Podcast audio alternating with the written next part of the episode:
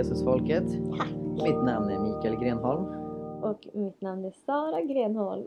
Och Men idag... Mikael, alltså jag orkar inte att vi har en sån här parpodd. Har du tänkt på det? Eller typ bara, paret Grenholms podd. Alltså det, det börjar ju inte så kan man ju Ja. säga. Sen, sen blev det att podden förde oss samman. Ja, Det blev det, lite så det var här kanske inte poddens förtjänst. unintended consequence. Jag skulle verkligen säga att det är poddens konsekvens. Okej. vad Ja. Vad ska vi prata om idag Sara? Eh, jo, men vi ska prata om något som ligger mig varmt om hjärtat. Och samtidigt kallt om hjärtat. Jag vet inte riktigt. Men om hjärtat ligger det. Och det är demokrati. Ja, Och problematisera detta utbredda fenomen som höjs till skyarna och talas så varmt om. Trots att det är någonting som har stora problem. Men att det nästan inte är okej att, att prata om för att då tror folk att man är för diktatur. ja och det är inte du. Det är... om det tvistar och lärde. Du har ju suttit i ett annat poddavsnitt och argumenterat för en världsdiktatur. Om jag själv får vara diktator så litar jag på diktatur. Men... Nej, men om, om vi ska vara seriösa, så här, vad, Ja, ja. vad, vad är det vi vill säga i det här avsnittet? Jo, nej men eh, alltså med demokratikritik så menar inte vi på något sätt att vi är, alltså så här, att vi argumenterar för diktatur. För att det, alltså bevisligen har det inte funnits någon fungerande di- diktatur under hela historien. Eh, Mm. Och eh, troligtvis så är det en fantastiskt dålig idé. Eh, så, men, men jag tror också att vi kan inte... Kafka. Varför skulle du aldrig börja göra någon i podden? Wow! Ja, ja, men... eh,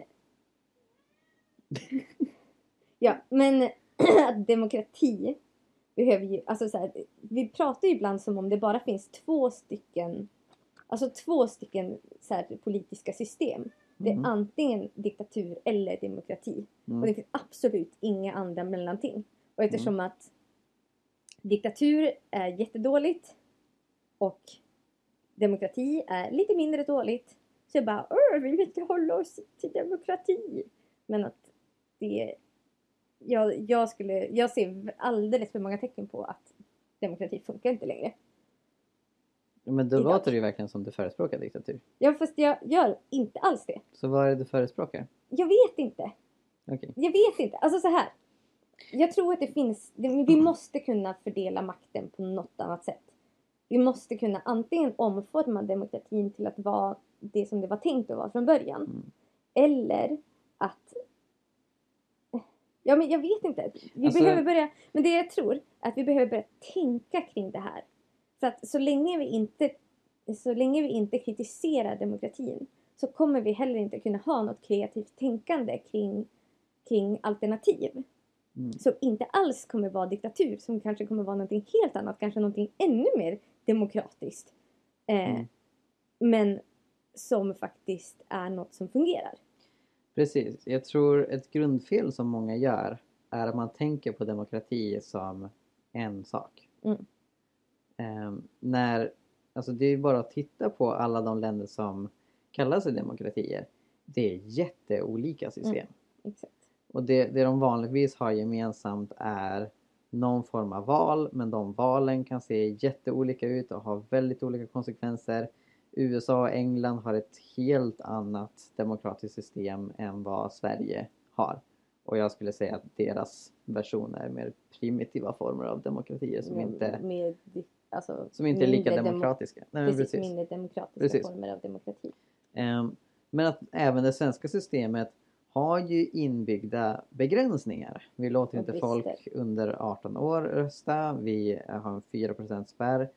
Och sen så, alltså det, det stora demokratiska problemet som jag tycker har dykt upp eh, under 1900-talet och som påverkar eh, stora delar av, av dagens politik. Det är att människor som påverkas av beslut inte får vara med och stifta de besluten idag.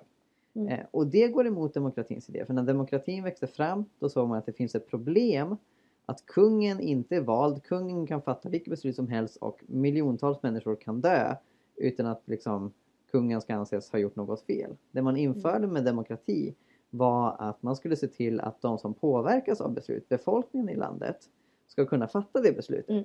Det är en väldigt god tanke. Men sen så ser vi idag hur de stora frågorna i västvärlden är eh, migration och invandring. Och där, där har skett en väckelse i den främlingsfientliga rörelsen eh, som vill att vi inte ska ta emot invandrare.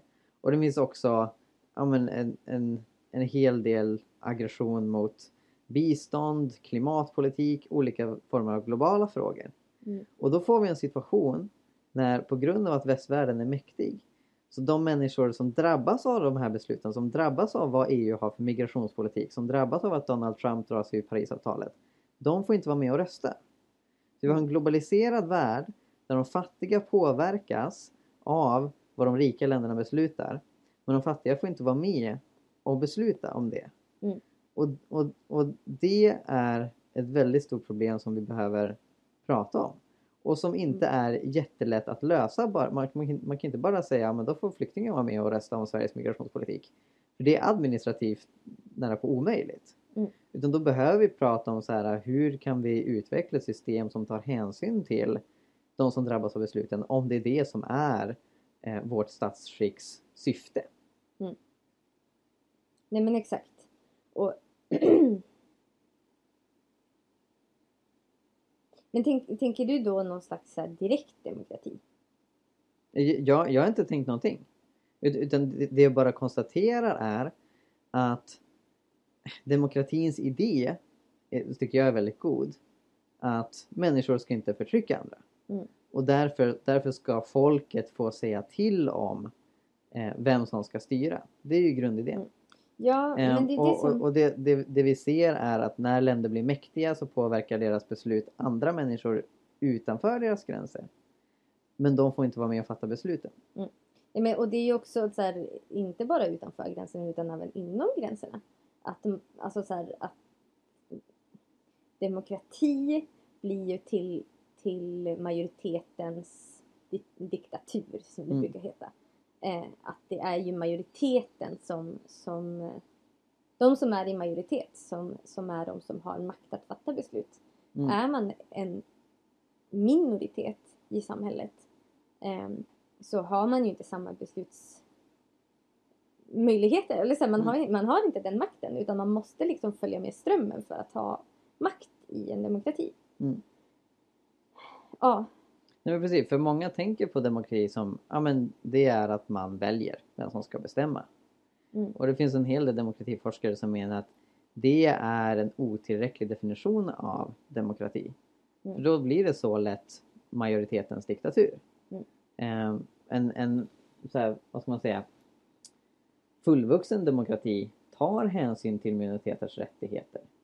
Ehm, och det, det är väldigt svårt att liksom lagföra för liksom det handlar om en kontinuerlig process Mm. där majoriteten ständigt måste lyssna på vad minoriteter säger. Det förenklas med en fri press men det garanteras inte för en, även en fri press ehm, kan lätt drivas till att skriva om det som majoriteten tycker i synnerhet om den drivs av hur mycket Vinstintresse. tid- ja, precis, om, om den drivs av hur mycket Mm. de kan sälja.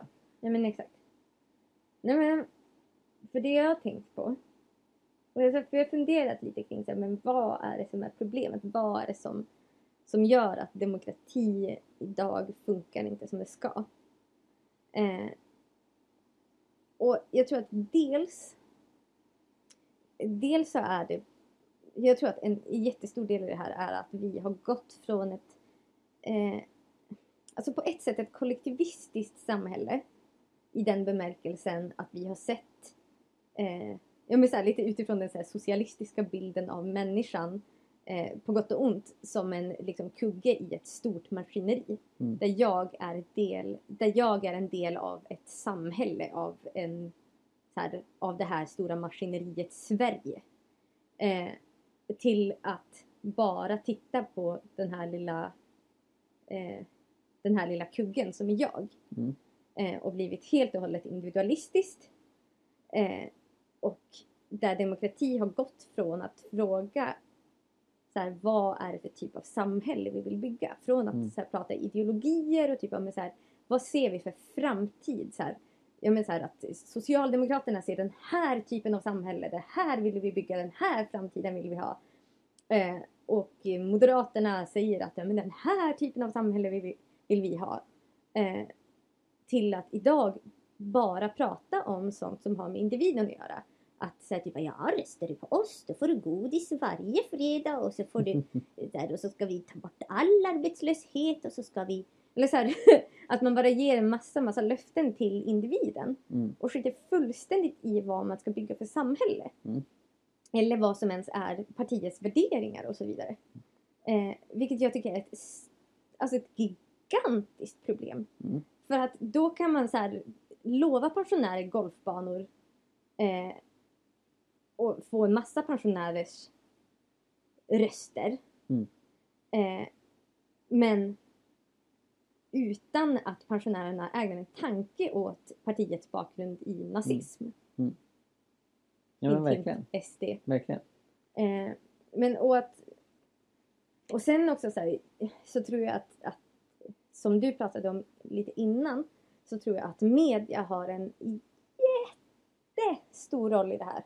Eller så här, medias dysfunktion. Att Mm. media inte alls fyller den samhällsfunktion som de skulle ha fyllt. Mm. Eh, för att säga, ja, men man pratar ju om att den grundbulten för en demokrati måste vara en fri press. Och absolut, jag håller med om att så här, ja, men det ska inte vara politiskt styrt vad pressen ska skriva om för då får Mm. man ju censur och så vidare. Mm. Men det som är problemet, är det jag tycker att man pratar om alldeles för lite, det är eh, så men vad är en fri press och fri från vad? Mm. Fri från så här, politiskt inflytande. Ja, det tycker jag att vi ändå lyckas väldigt bra med. Men däremot så måste vi också erkänna att våra, våran press är ju slav under kapitalismen. Mm. Eh, och under ett vinstintresse vilket gör att man skriver bara om sånt man tjänar pengar på. Mm. Eh, och har inget som helst intresse av att presentera en bra och nyanserad bild av verkligheten. För att Ja, det alltså det, det är många journalister som är intresserade av det. Jo, jo, jo. men Men, som men, alltså, hindras nej, men jag menar som högre tidningarna. Ja. Alltså, eh, det, man kan ju inte bara frikoppla journalister från de tidningar de skriver för. Mm. Nej, verkligen. Eh, och så här, ja, men de här tidningarna som faktiskt vill göra det, där journalister faktiskt har möjlighet att göra det, till exempel som ETC. Mm. Eh, som, är ganska, eller som är en tidning som är ganska bra på det. Eh, en nättidning. Ja men de går det ju svindåligt för. Ja. För att här, ja men folk, för att, ja men folk prenumererar inte och man så här, klickar inte in där hela tiden och man skriver inte massa skvaller om kronprinsessan för att det är helt irrelevant. Mm. Eh, men att, ja, och det gör man ju för att Ja, alltså, anledningen till att man skriver om sådana här saker är ju ett vinstintresse. Och då är, då är det inte en fri press. Mm. Eh, och då skulle jag ju hellre se att det finns något slags statligt bidrag som inte är politiskt bundet på något sätt.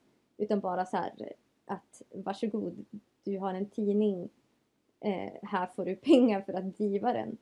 Mm. Du får problem om du börjar gå med vinst, typ. Mm.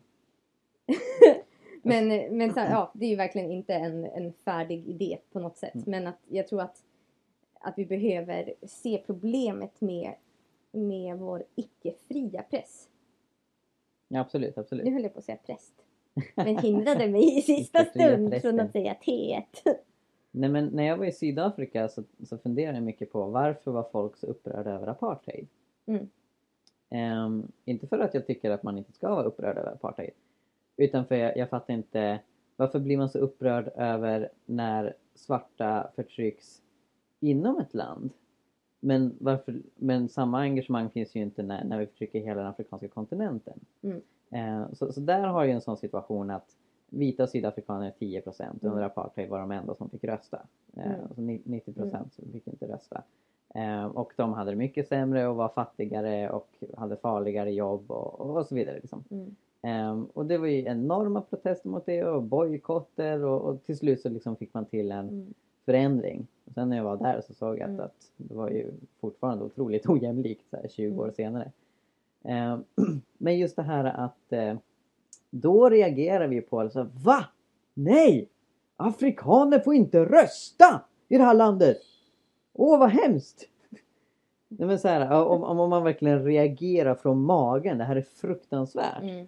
För att vita bestämmer över deras liv. Mm. Men det gör, alltså det är så vi, det är så vi, det är så europeer har behandlat den afrikanska kontinenten i hundratals år och fortsätter göra. Det här med hur EU eh, dumpar matprodukter där och liksom, Mm. eh, ja att, att vi som sagt vägrar ta emot eh, flyktingar därifrån, vi sänker biståndet dit, vi är så här, Mm. vi behandlar Afrika som skit.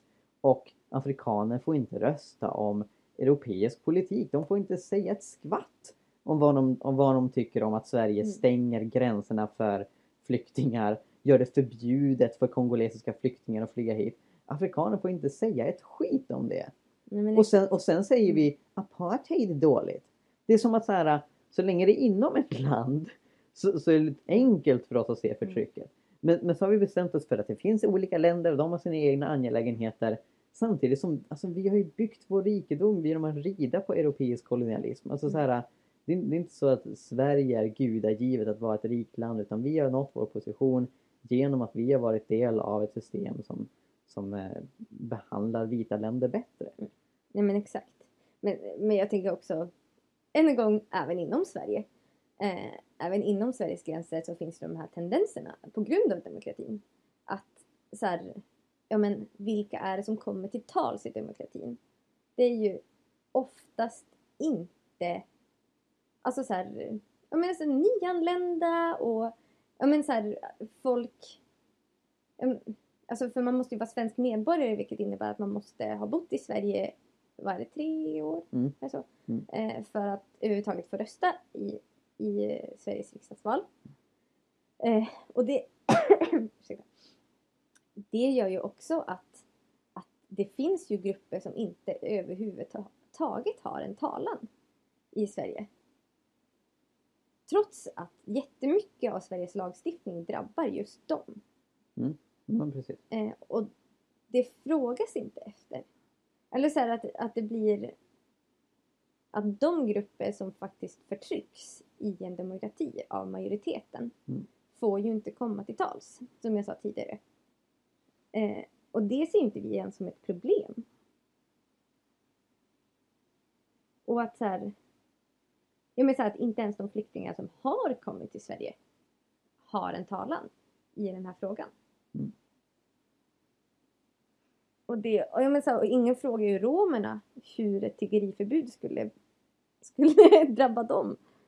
Nej, alltså det, det är verkligen ett exempel på majoritetens eh, förtryck. Mm. För, för som vi har poängterat tidigare, antalet EU-migranter som tigger i Sverige är 3000. Det är 3000 människor. Och de väcker så enormt många kä- känslor och det har skrivit tusentals artiklar om det här och så många som argumenterar för att vi måste förbjuda tiggeri. Vilket all forskning visar förvärrar deras situation. Det förbättrar inte Mm. ett dugg utan det gör det värre för dem. Fler kommer hamna i kriminalitet, fler kommer hamna i prostitution. Och det, det är just det här att det, liksom, det är så få och de är verkligen på samhällets botten och man sparkar och slår och skriker eh, på de här i en demokrati. Mm. Men, men det, det är just så här, när demokrati reduceras till att det majoriteten tycker är rätt Mm. eh, så blir det förtryckande. Och vi, vi ska ju komma ihåg att, Fast- eh, att nazisterna valdes demokratiskt. Att, att liksom så här, om demokrati bara är att majoriteten vinner då kan man få precis vilket samhälle som helst. Nej men exakt. Och, och grejen är också så att, att det är ju inte... Det är ju, det, det, demokrati som det ser ut idag handlar ju inte ens om vad majoriteten tycker är rätt. Utan det handlar ju helt och hållet vad majoriteten tjänar på personligen. Mm. Alltså men så här, att, det, att det handlar inte om rätt och fel. Det handlar inte om ideologi. Och det har inte gjort det på, på typ... ja, Jag vet inte när man slutade tänka ideologiskt. Eh, men det har inte gjort det på väldigt länge. Eh, och nu handlar det ju bara om... Alltså så här, Vi konsumerar politik. Mm. På det sättet att, så här, att det har blivit en konsumtionsvara. Där jag köper löften av dig när jag ger dig min, min röst. Mm. Och de löftena ska gynna mig personligen. jag ska få någonting ut av att ha röstat på dig. Mm. Och att vi tänker inte, som sagt, vi tänker inte oss själva som del av ett samhälle. Så här, vilken typ av samhälle vill vi bygga? Jo, jag tror att, de, jag tror att väldigt många i Sverige hade nog eh, och kanske i synnerhet typ de som röstar på Socialdemokraterna som, som också pratar om ett tiggeriförbud nu. Mm. Men jag tror att de, de allra flesta hade nog hållit med om att, att eh, vi skulle gärna bygga ett samhälle där, eh, ja, men där, så här, ja, men där alla kan leva och ha det bra. Mm. Där alla barn får gå i skolan. Där, eh, ja, men så här, där vi kan hjälpa människor att få en framtid. Där Mm. vi kan eh, ja, men så här, där vi fostrar goda medborgare. Eh, och där vi tror på människor och investerar i, i människors liv så att de kan bidra till samhället. Jag tror att de allra flesta skulle hålla med om det. Mm.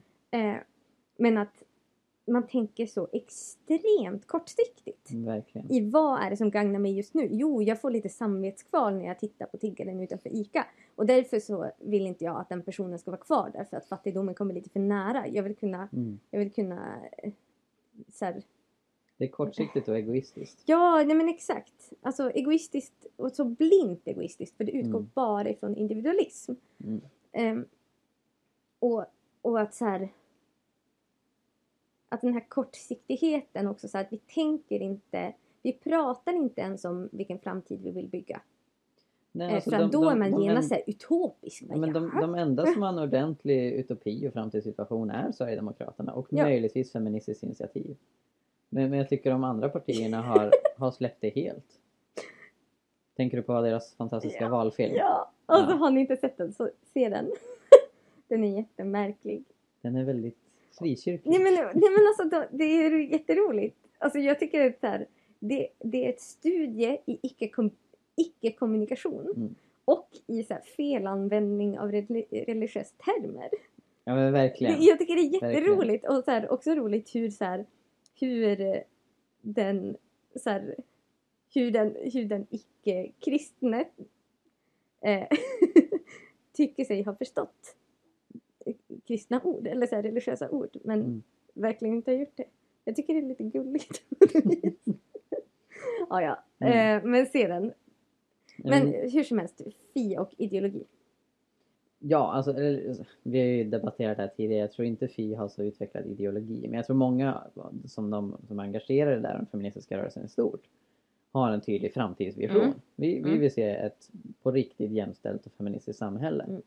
Ehm, möjligtvis kanske så här, den gröna rörelsen också har, jo men det kan man nog ändå säga, Jo, den gröna rörelsen har, har en framtidsvision. Sen Sverigedemokraterna. Men jag tror mycket av vänstern har, har tappat, alltså vänstern kan kroka in i, i den feministiska och gröna framtidsvisionen. Men, men jag tycker mycket av vänstern har fått en identitetskris för att den har varit så nationell. Den handlar om att arbetarna ska få det bättre i Sverige. Mm. Och så de stora orättvisorna idag är globala. Mm. Och då finns det vissa exakt. som försöker trycka på globala men liksom ja, men det, det vi har landat mycket i Sverige det Socialdemokraterna beter sig och även i vänsterns retorik tycker jag Mm. är så väldigt Sverigefokuserad där man pratar om vinster i välfärden som den främsta frågan snarare än att främsta frågan skulle vara att vi förtrycker miljontals människor med vår livsstil. Eh, och, och, Mm. ja, och jag skulle inte säga att alliansen, eller liksom högerpartierna har en vision annat än att några av dem nu, Moderaterna och KD framförallt, börjar kroka in i Sverigedemokraternas vision. Men liksom Mm. själva har de inte en vision för det är också väldigt svårt att bygga en framtidsvision utifrån konservatism. Eh, där man brukar säga att konservatismens idé är att utopier inte finns. Mm. Eh, så det är liksom så här, Mm, exakt. vad man vill bygga är inte särskilt klart. Alltså Donald Trump vill, vill gå tillbaka till att göra Amerika stort igen. Och då är frågan, när var det? Var det när de hade slavar? Var det när Martin Luther King blev inspärrad? Alltså så här, Mm, när var Mm. Amerikas storhetstid? Ehm, så alltså det, det var verkligen en sån kris. Och vi såg ju på en Mm. dokumentär om, om eh, Nordkorea och deras utveckling av kärnvapen. Och där var det, jag tror det var en sydkoreansk politiker som fällde kommentaren att eh, ehm, demokratier, förutom att de är väldigt långsamma i att fatta beslut, eh, vilket jag redan visste, eh, så är de just också väldigt eh, kortsiktiga på grund av att ledarna så ofta byts ut. Mm. Och, och det var något som inte, inte hade slagit mig. Alltså, jag visste ju att det, det liksom så här, kännetecknar, men just att så här, från ett nordkoreanskt perspektiv eh, så liksom de kan fatta beslut omedelbart. Liksom. Mm. Kim Jong-Un säger något och då blir det så. Eh, och, och, och det snabba beslutsfattande i kombination med Mm. att de har en plan för Mm. att skaffa kärnvapen som de Mm. kan ägna sig åt i 30 år. Det, det är något som, som är otroligt ovanligt i demokratier och som gör att demokratier till exempel inte lyckas driva klimatfrågan särskilt bra. Mm. Nej, men Eh, exakt. För där, Alltså, alltså det går fram och tillbaka me- Mm. mellan regimbyten. nej men exakt. Och, eller så här, för jag tror att skulle man typ ge Miljöpartiet, nu har jag inget förtroende för dem, men, men skulle man ge Miljöpartiet en 50-årig mandatperiod där de får diktera Mm. eh, så tror jag att så tror jag att de skulle ju kunna åstadkomma hur mycket som helst. Mm. Eh, men och verkligen komma framåt i, i klimatfrågan. Men nu blir det ju, alltså för att, man, för att det är så otroligt kortsiktigt Mm. och man hinner bara liksom så här, typ bara, Åh, vi måste skynda oss att genomföra de här små besluten. Typ bara, vi måste bli bättre på återvinning. Typ.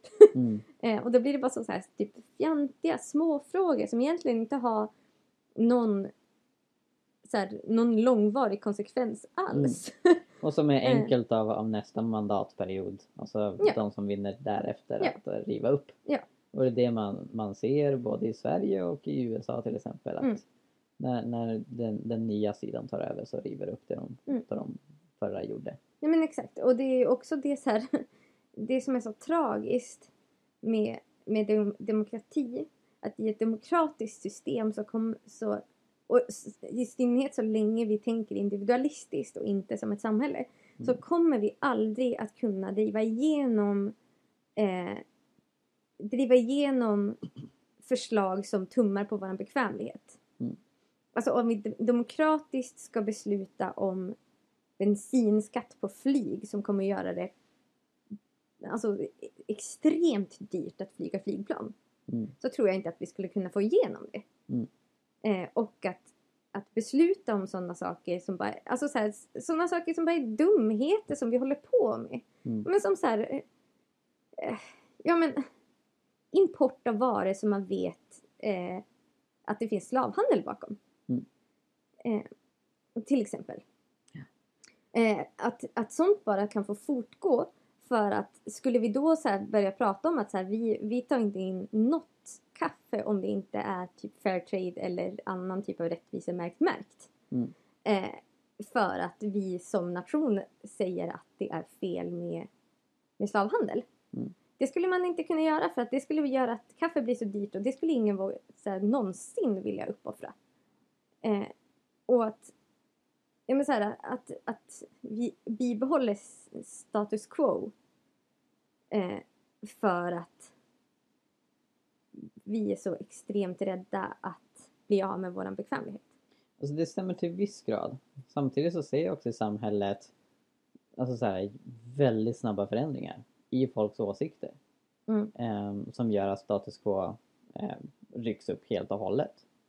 Alltså så här, i Sverige, alltså om, om man tittar på det som sker i USA nu när det gäller åsikter om um, samkönade äktenskap och abort.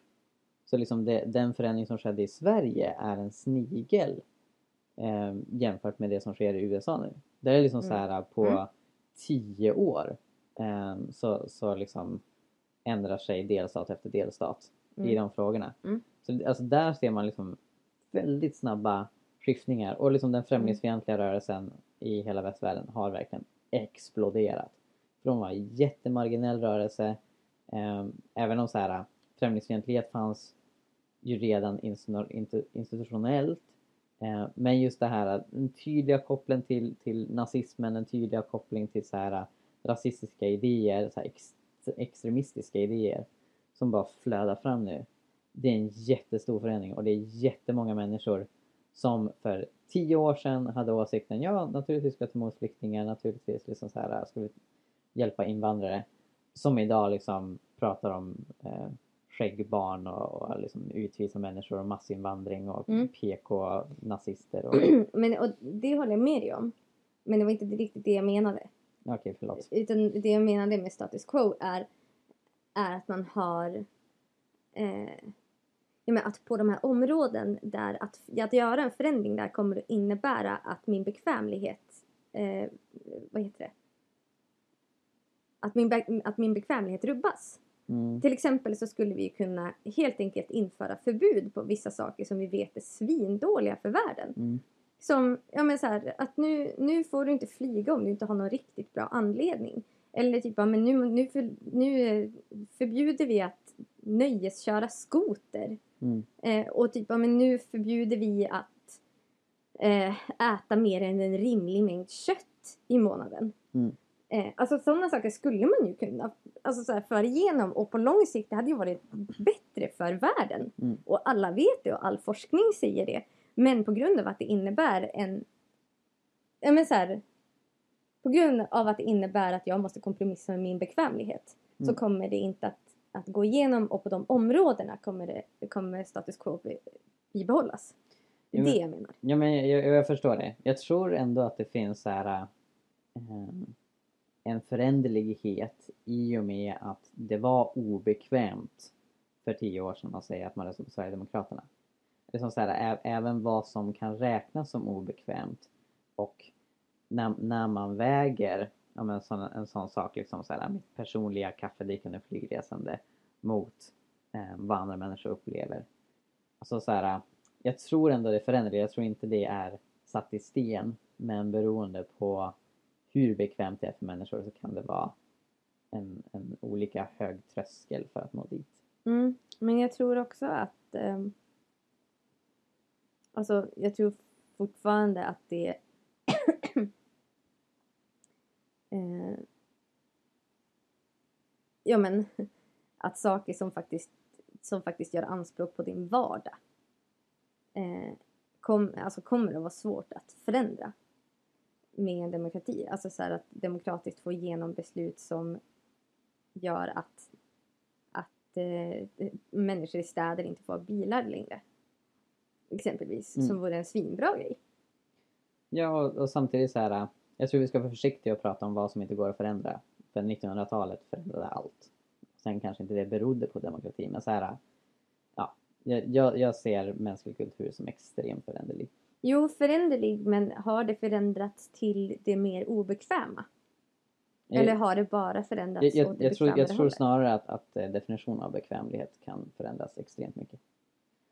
Men jag skulle vilja pröva en annan tanke. Och det var vad olika eh, organisationsformer och styrelsesätt eh, får för effekter och, och gör att olika organisationer blir bra på olika saker.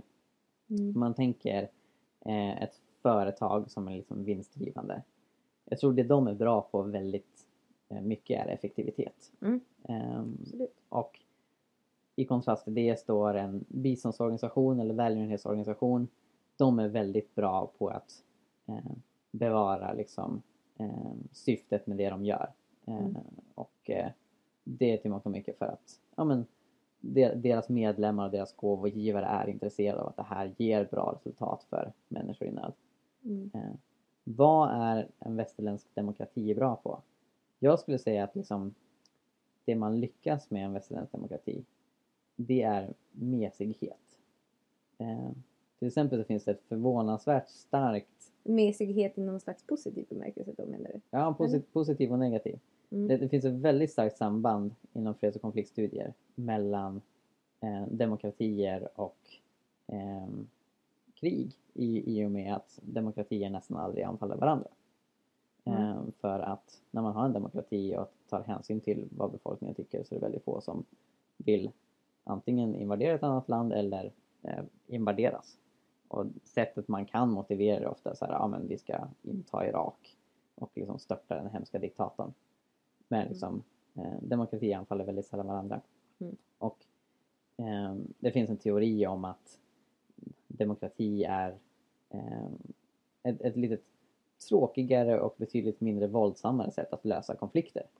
Så liksom, det man ser i många fattiga länder är att inbördeskrig är väldigt vanligt för att liksom sättet man ändrar politiken och ändrar samhället är att man bildar en milis och, och tar över regeringen. Mm. Eh, medan här har vi liksom icke-våldsliga konflikter i form av debatter eh, och, och val och sådär. Mm. Eh, Och, och ja, men länge såg jag sin svensk politik som väldigt tråkig och samtidigt tyckte jag att ja, men jag var ganska tacksam för det. Och det som har hänt de senaste tio åren är att den har blivit mycket mer intressant och skrämmande i och med populister som Sverigedemokraterna. Mm. Eh, och de har ju en, en stark antidemokratisk ådra. Och det är det som jag gör tror att SD och Trump och så vidare blir mer intressanta. Eller som den här filippinska eh, galningen som, som vill Mm. avrätta alla missbrukare som Mm. är president där nu. Eh, de är mer intressanta, färgstarka. Eh, Berlusconi tillhör också det gänget. Eh, för att de är mindre demokratiska och för, för att de är mer lika auktoritära ledare. Eh, men frågan är hur man kan baka in möjligtvis mer effektivitet men framförallt just det här altruistiska syftet som ideella organisationer är så bra på i hur man styr länder. Eh, För det saknas ju nästan helt och hållet om man inte vinner poäng på det så är det något politiker inte alls prioriterar Mm, att deras exakt. handlingar kommer få goda effekter för andra människor. Nej men exakt, alltså om det inte är deras väljare eller potentiella väljare som det får goda effekter för. Mm. Och du har en idé som jag tror skulle kunna hjälpa eh, till det. För som sagt, ideella organisationer lyckas genom att medlemmarna, de som driver och de som ger energin till organisationen, alltså givarna, alla vill ha samma syfte. Mm. Och du har pratat om, borde man inte införa ett test Mm. ehm, inför val? Mm. Att det inte är så att vem som helst, inklusive den mest oinsatta egoist som finns, Mm. kan rösta. Utan det är de Mm. som har visat att de eh, förstår vad det handlar om som ska få rösta. Ja, men det, jag tycker att, alltså för det jag ser som des, en av de största problemen med, med att demokrati inte fungerar är att vi är sådana oinsatta individualister som får en falsk bild ofta via media eh, och också typ i Facebookflöden där det är alltså så här att jag får bara den information som, som Facebook anser att jag letar efter typ. Eh, och alltså i den, i den kontexten, i den kontext, det kontextet, vad säger man? Den kontexten. Den kontexten, tack. eh, så, så blir det så...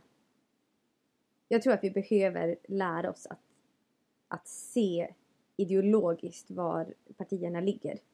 Eh, och också så förstå vad står de för.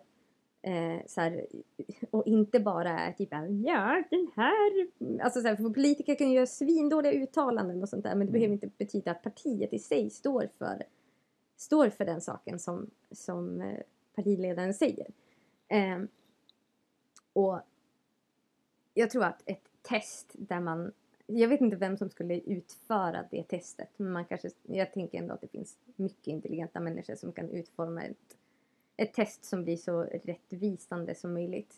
Som man måste gå igenom, där man måste visa att jag har förstått eh, jag har förstått vad alla de olika, olika stora partierna står för, vad de har för bakgrund, vad de har för ideologi eh, och och typ också så deras möjlighet att genomföra det de säger. Mm. Eh, och att först när man har gjort ett sånt test så får man liksom ett så här jag vet inte om man då ska få sitt röstkort eller hur man nu ska lösa det. Men på något sätt så måste man ha gjort det testet för att överhuvudtaget få rösta. Mm.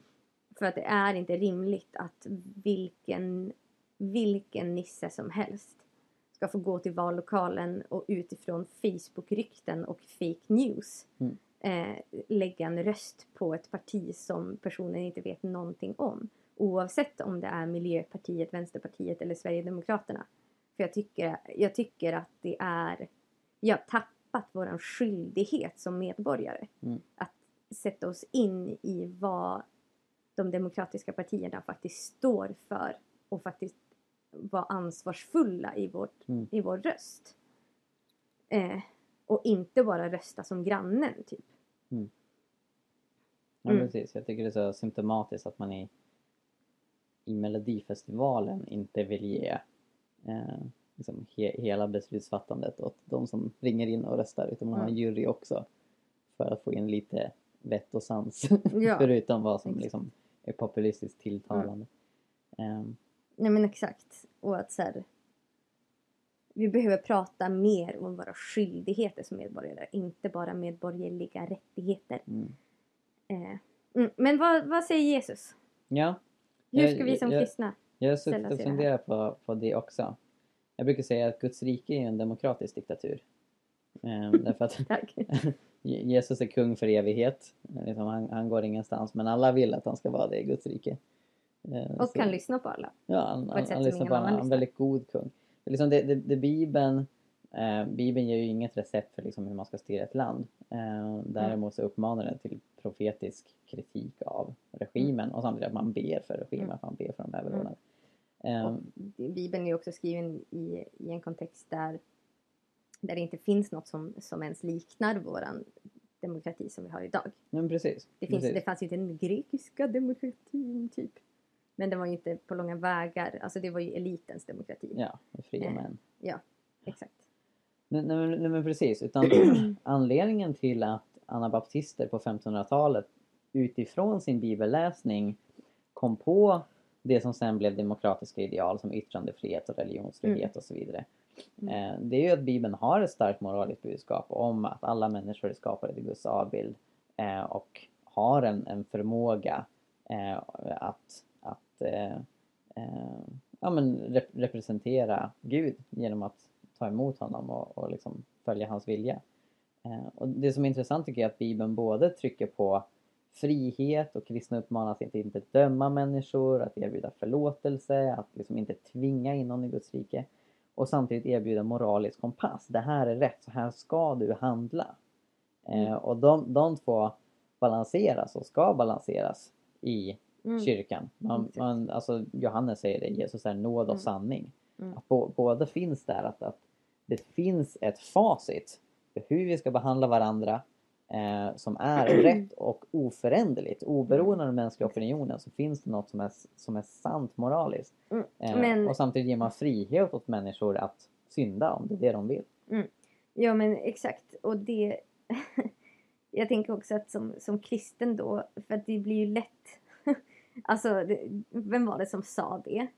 Att kristna hade röstat, eller så här, evangelikala kristna hade röstat på djävulen om man var emot abort och homosexualitet. Eller samkönade äktenskap. Det, det är jag och Katarina som brukar säga det. Det var Katarina. Ja. Fast jag tror att jag sa det till Kotten innan hon brukade säga det. Okej, Ja, men jag, jag, Jag skrev, har hört det från dig. jag skrev ett blogginlägg om det Ja, för men två år sedan så jag var nog först. Det var nog först. Ja men jag tror att det ligger väldigt mycket i det hur som helst. Nu citerade jag dig, känns det bra? ja, fantastiskt. Vad bra. Eh, men i alla fall så... Så... Eh, jag menar alltså att vi ofta reducerar typ av så här Guds moral till att bara ja, vi ska vara emot samkönade äktenskap och förbjuda abort. Typ. Eh, och att man så här, kokar ner det till det. Mm. Men det är ju bara två extremt små frågor i förhållande Som inte till... påverkar heterosexuella män. Som inte påverkar heterosexuella män som är ish 50% av befolkningen. Eh, och, och jag Eller påverkar, men det behöver inte påverka. Alltså de, de kan Mm, skita i ja, ja, ja, de, de har ju ett val, en valmöjlighet Ja. som, som kvinnor och homosexuella inte har. Mm. Eh, eller hbtq-personer. Eh, men, men eh, ja. Att Guds moral är så otroligt mycket större än så Mm. och omfattar saker som hur ser vi på flyktingar eh, och hur, ja, men så här, hur behandlar vi varandra att, att älska andra som sig själv tyder ju också på att, att vi, vi som kristna bör vilja ha ett samhälle där Mm. alla har det bra. Mm. Eh, och där alla har det lika bra som jag själv. Mm. Eh, och sen hur det exakt ser ut eller hur vi kommer dit. Det är så här, vi får ju ofta kastat i ansiktet på oss bara, ni är kommunister fast vi är verkligen inte kommunister. Då har man inte förstått vad kommunism är. Mm. Men, men vi kan ju ändå se att det är en biblisk princip att så här, alltså är, hur kan kärlek vara att jag har att jag har så här, ett palats när du bor i en kartong och jag inte delar med mig. Det är inte att älska andra som sig själv. Verkligen. Eh, och att, ja. Mm. Ja.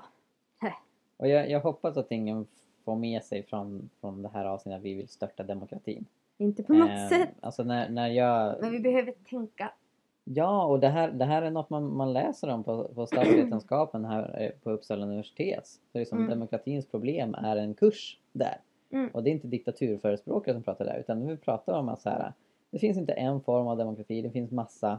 Och som Churchill sa, det är det minst dåliga alternativet. Det är inte Ja. liksom ett Exakt. perfekt eh, sätt Mm. att styra land på. För det medför massa problem. Och man behöver Mm. prata om, om eh, olika sätt att utföra demokrati. Och som sagt, vi, vi lyfter några problem med att bara se det som att ah, majoriteten ska bestämma och tror att det skapar ett jättebra samhälle. Men om, om demokrati bara innebär det, då kan man få Nazityskland. Va, Mm, varsågod. Alltså, alltså, det, det det är fullt möjligt att få det. Mm. Eller det som sker i Indien nu när hindunationalister tar över och förföljer kristna. De har majoritetens stöd. De Mm. är demokratiskt inröstade. Mm. Och de bedriver förföljelse. Inte det- bara av kristna utan av muslimer och buddister ja, och hela faderullan. Alla som precis. inte är hinduer. Ja, så det är, liksom så här, det är så otroligt naivt att tro att bara om man får rösta vart fjärde eller femte år så blir allt bra. Nej! Demokrati, om, om det är, är något eftersträvansvärt så måste det vara mer än, än bara att majoriteten bestämmer. Ja, Och, och det måste vara smartare än så. Det måste ta hänsyn till hur människor behandlas av de beslut som fattas. ja, och vi måste kunna titta på vår egen kultur, eller vår, alltså vårt eget samhälle och se bristerna Mm. som inte är förenliga med den typ av demokrati som vi, som vi ja, men som utvecklades under tidigt 1900-tal. Mm. För att samhället såg ut på ett helt annat sätt och, man, och man hade ett helt annat sätt att tänka. Och därför behöver vi, alltså kanske inte störta demokrati, men skapa demokrati 2.0. Mm. Ja, verkligen. verkligen. Uppdatera den till vårt samhälle så att vi kan få en vettig demokrati igen. Mm. Ja, men precis. Som sagt, alltså, USA har en väldigt ålderdomlig version av demokrati som är jättepuckad, tycker jag, på så många sätt. Mm. Och även Sveriges form av demokrati håller på att bli gammal. Och i och med globaliseringen, i och med att våra beslut påverkar så många människor som inte får rösta, så, så ja, dyker det upp massa Och i, problem. och i och med individualismen. Och i och med individualismen så får man ett helt annat system. Mm. Bara för kulturen ändras. Mm. Ja, så det var lite tankar kring demokrati. Ja! Väldigt mycket tankar kring demokrati, inte så mycket tankar kring Gud. Nu vilken gud på slutet. Ja, exakt. Mm. Men, men... ehm, ja. Jag tror ändå att vi, vi behöver... Eller så här, Gud ger ju en modell för vad som är gott. Det Mm. kallas för Guds rike. Mm. Eh, och vi behöver leva så nära det som möjligt. Eh, och sen får man väl ta ställning i om man tror att politiken kan hjälpa oss dit eller inte. Mm. Eh, där skiljer jag och Mikael oss i åsikter, men mer om det en annan gång. Ja. Eh, ja. Mm. Har vi något mer att säga? Halleluja! Ja, men ja. Eller jag vet inte. Du är cyniker stackare. Ja. Men jag, jag tror att det finns hopp. Jag förväntar mig det värsta. Ja. Jag, jag förväntar mig nog ganska bra ja. Nej men alltså så här, det, det första steget är att vi pratar om detta. Och, och, och liksom under det här valåret. Och vi tänker på eh, hur viktigt det är att ha ett globalt perspektiv på politik och ta hänsyn till de människor som eh, är mest utsatta, de människor som far mest illa om dåliga beslut fattas. Det är en orubblig eh, princip utifrån en kristen moral Mm. när man tänker kring samhälle, politik och alla sådana här frågor. Mm. Ja. Och att vi slutar vara egoister. Ja. Och tänker på andra. På Verkligen. riktigt. Ja, men precis. precis. Mm. Gött! Tack Sara! Tackar, tackar. Tackar, tackar, tackar. Tack och tack alla lyssnare. Och tack Kafka för ditt bidrag. Ja, verkligen. Det var en vacker sång där i början, Mm. Kafka. Jag är förvånad att du har varit tyst sedan dess. Han har slickat sig. Ja. Ja, men eh, vi kommer att fortsätta prata val ja, ett tag framöver. ja, precis. Sara gillar olika djur så vi kommer ha valspecialavsnitt om olika valar framöver. Tack. All right. Gud välsigne er allihopa. Er. bra. Bye bye. Hej. Hej.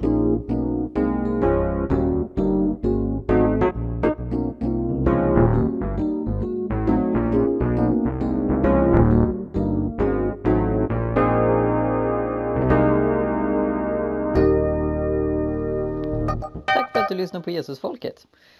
Den här podden drivs av Jerusalemprojektet som också står bakom bloggen Hela Pingsten. Och för att se hur du kan stödja och hjälpa oss utveckla podden vidare, gå in på jerusalemprojektet.org och läs mer.